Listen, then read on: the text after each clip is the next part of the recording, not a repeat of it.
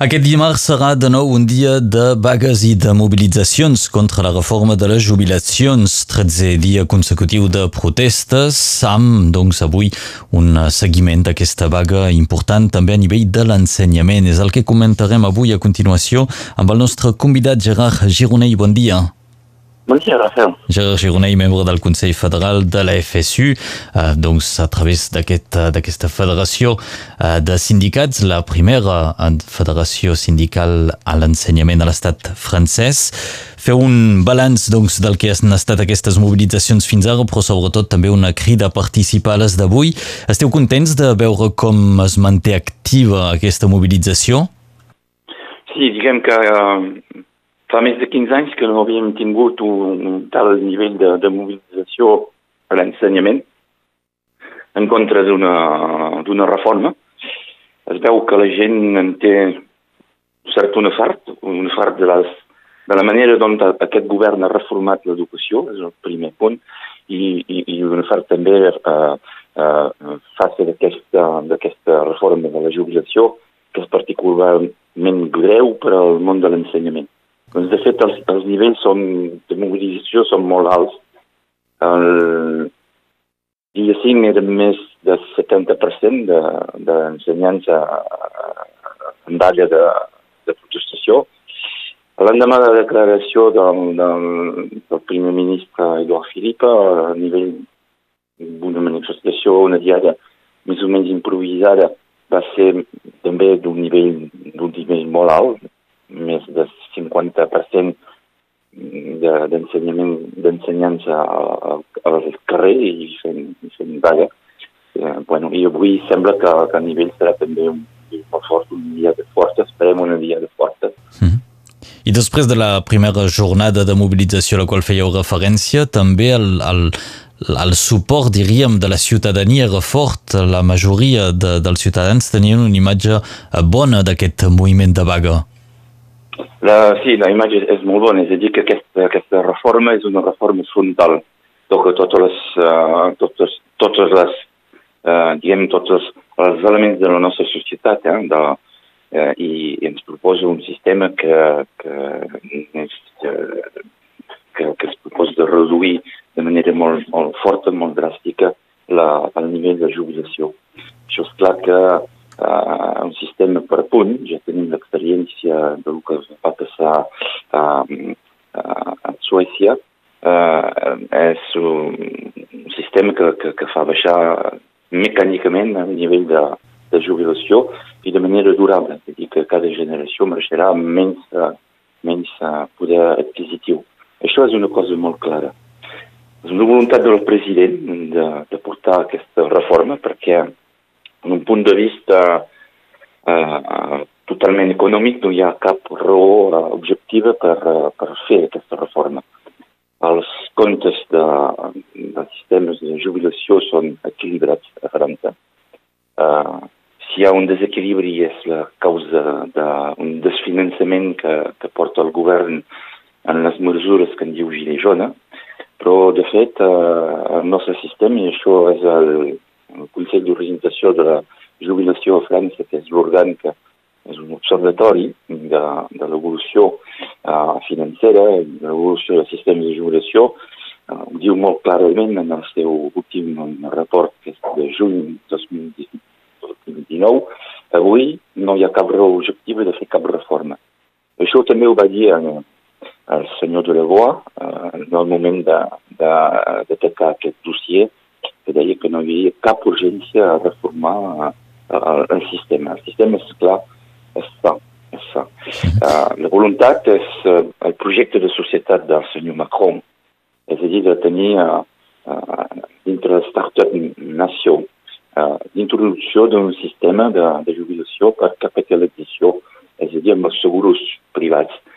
I això dona una explicació a la manera eh, que el govern ha acollit eh, un fons de pensió eh, nord-americà que es diu BlackRock, que és un, més potent del món, és un sistema financer més potent del, del món, més de 7.000 uh, miliards de, de dòlars de capitalització controla aquest, aquest fons de pensió. I és clar que aquesta gent tenen una mirada molt particular a la situació francesa. De financiant la jubilació, el sistema de jubilació públic, es portarà la gent, els que podran, eh, contractar un sistema segur privat i com que la França és un país on es acumulen més de 15.000 miliards d'euros de, d'estalvis, de, eh, és clar que aquests fons de pensió estan molt interessats en la possibilitat de captar-ne una part molt, molt important. Sí. És això el projecte del, del senyor Macron. Un proje... I això potser la gent, la gent no ho sap. La raó principal, la raó principal de, del, del president és, d'una certa manera, vendre, uh, vendre uh, el sistema, el sistema de jubilació, a un operador privat eh, nord-americà. Doncs és això, a més de la protesta al carrer, també eh, hi ha una informació que cal fer passar. Aquest missatge el cal explicar també a, a, a la gent que, que, que manifestarà avui. Aquest missatge que, que vinc de dir, eh, nosaltres ho, ho farem aquesta, aquesta nit, a les 18 hores a la sala Simone Vell, al Liceu Aragó, ho hem previst amb un company una, una conferència de debat sobre el tema d'aquesta reforma, de la eh, suposada urgència de la reforma de la jubilació. Això els mitjans de comunicació poc ho diuen, que les raons eh, ensenyen molt a diputats que ens expliquen que no hi ha cap altra alternativa, que ens surten arguments que no, no aguanten la, la ruta, eh, i, i, i és clar que, que s'ha de fer un treball de demistificació i això portarà més gent al carrer, perquè és clar que uh, l'objectiu és de, de posar la gent en dificultats econòmiques i els que podran utilitzaran uh, sistemes privats. Ja les assurances ja estan proposant, ja es veu, eh, en les xarxes socials, en les publicitats que podem rebre, els uns i altres, amb proposicions de productes de uh, jubilació complementària mm. privada. Gerard Gironell, doncs avui és a les 6 de la tarda al Liceu Aragó que presentareu uh, aquesta conferència. Farem aquesta conferència a les 6 i mitja exactament, però bueno, acollirem la gent des de les 6, uh, no hi ha cap problema. Molt bé. I a Liceu Aragó ahir uh, hi havia un pícnic uh, que era uh, organitzat per els professors. De fet, Gerard Gironell, doncs, seu secretari de la secció SNES FSU de Liceu Aragó, i denuncieu que, a més del tema de les jubilacions, doncs, teniu damunt de la taula la reforma dels liceus, reforma que pertorba totalment l'organització de l'establiment i que també posa dificultats als alumnes. És clar que aquesta, aquesta reforma porta molts problemes, molts problemes a nivell de, de les condicions de treball. Es veu que la càrrega de treball ha augmentat. Eh, es veu que el govern ha inventat un concepte que se'n diu la simplificació complexa. Volia simplificar l'examen del batxillerat i, i el sistema que ha posat en plaça està tan complex.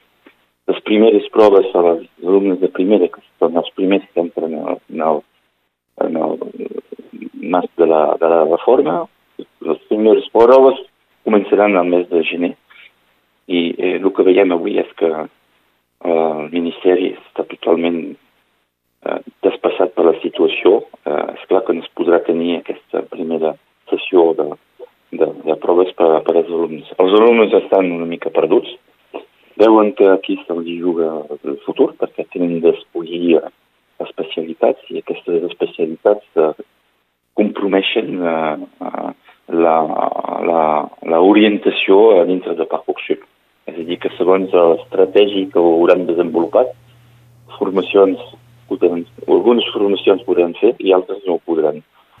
Uh, es veu en la cara dels, dels alumnes, els alumnes són molt cansats també, uh, porten moltes intervencions, una certa forma de revolta, els pares no comprenen gran cosa del que s'està passant, es veu que s'ha fet uh, aquesta reforma amb una improvisació total. I el que patim particularment a nivell de, de Liceu Aragó és que el Liceu ha menys dotació de tota l'acadèmia de Montpellier. I això vol dir que això ens porta a tenir en les classes alumnes uh, fins a 36, uh, de vegades 38 en alguns casos.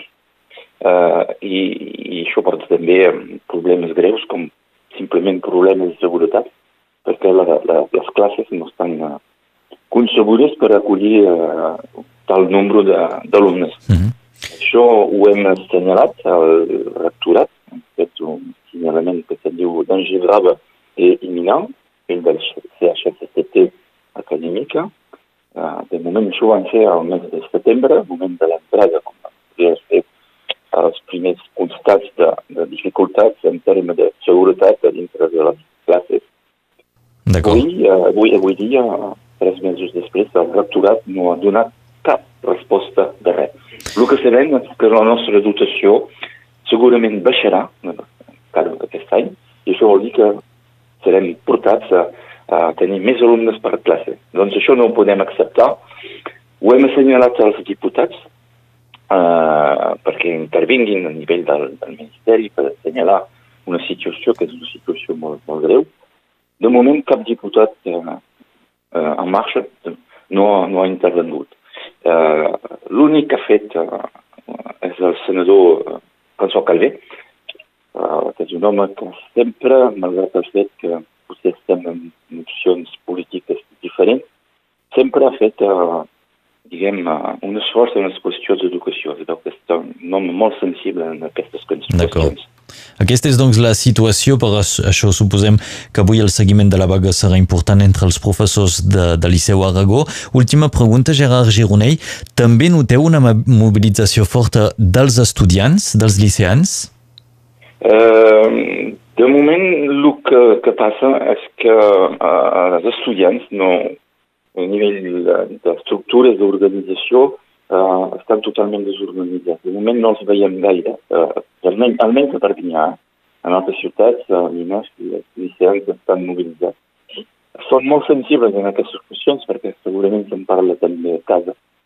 Eh, potser n'hi haurà alguns uh, que, que, que, que participaran, que vindran, però de moment no, no es veu com es pot veure en algunes ciutats eh, liceans i estudiants mobilitzar-se per, uh, en contra de la, la reforma sí. de la, de la jubilació. Sí. En canvi de professors de Liceu Aragó anuncieu quasi un sobre dos de vaga avui?